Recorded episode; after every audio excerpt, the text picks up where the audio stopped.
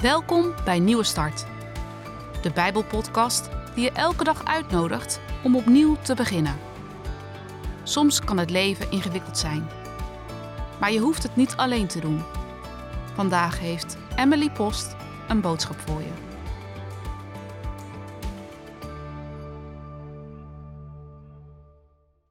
Vandaag lezen we over de goede herder die gekomen is en komt. We lezen Micha 2, vers 12 tot 13. Ik zal u, Jacob, zeker verzamelen. Ik zal het overblijfsel van Israël zeker bijeenbrengen.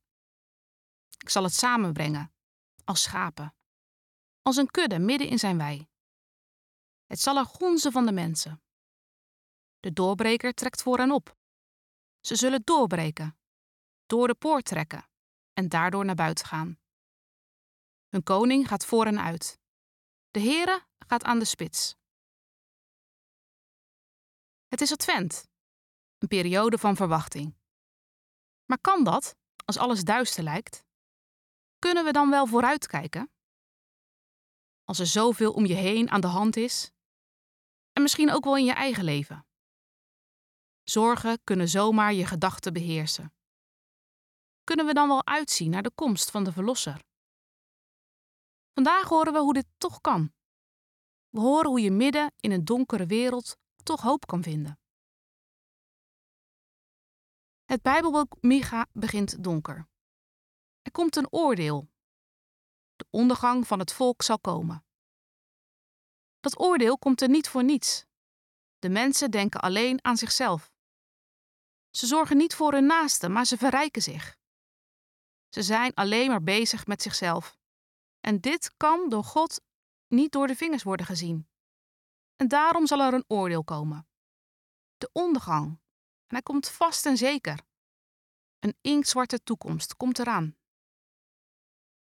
Maar dan, midden in die sombere aankondiging, is daar opeens een boodschap van hoop. God zal een overblijfsel verzamelen. Dat betekent, niet iedereen zal omkomen.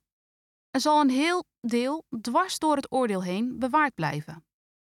En God zal als een schaapherder voor hen zorgen. Ja, hij ziet zijn bange schapen en hij brengt ze samen. De herder weet wat ze doormaken en hij laat ze niet in de steek. De herder zorgt voor een veilige plek waar niets hun kan overkomen. Het oordeel is hier voor de schapen ver weg, want niemand kan hier zomaar naar binnen komen. Buiten is het donker, buiten is het zwaar, maar hier bij de herder is het veilig.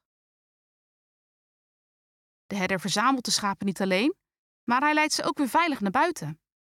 Hij is namelijk ook machtig. En hij wordt hier de doorbreker genoemd.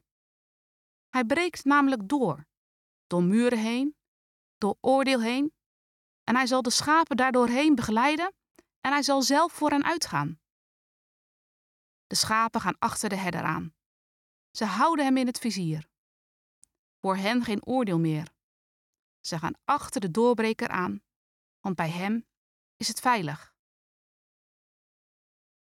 Deze adventsweken denken we aan Jezus. Hij noemt zichzelf de goede herder. De herder die gekomen is om licht te brengen in de duisternis. Om licht te brengen voor vermoeide schapen. Zo ziet deze herder Jezus ook jou. En hij wil je in de moeilijkheden van het leven veiligheid geven. In je lijden. Het wil niet zeggen dat je geen moeilijkheden meer hebt maar wel dat je daarin niet alleen bent. Dat je de herder mag vertrouwen, dat hij je kracht en moed zal geven. Jezus heeft zijn schapen lief. Hij verzamelt ze en maakt ze vrij. Deze herder Jezus zal ook ooit weer terugkomen en alles goed maken.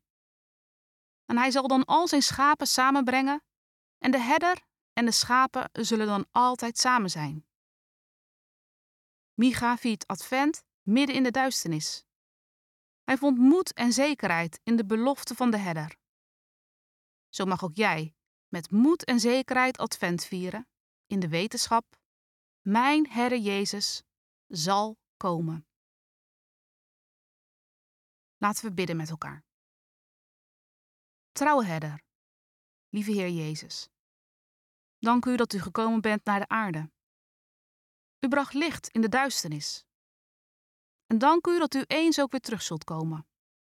En help ons tot die dag om onze ogen op u gericht te houden en u te volgen. Amen.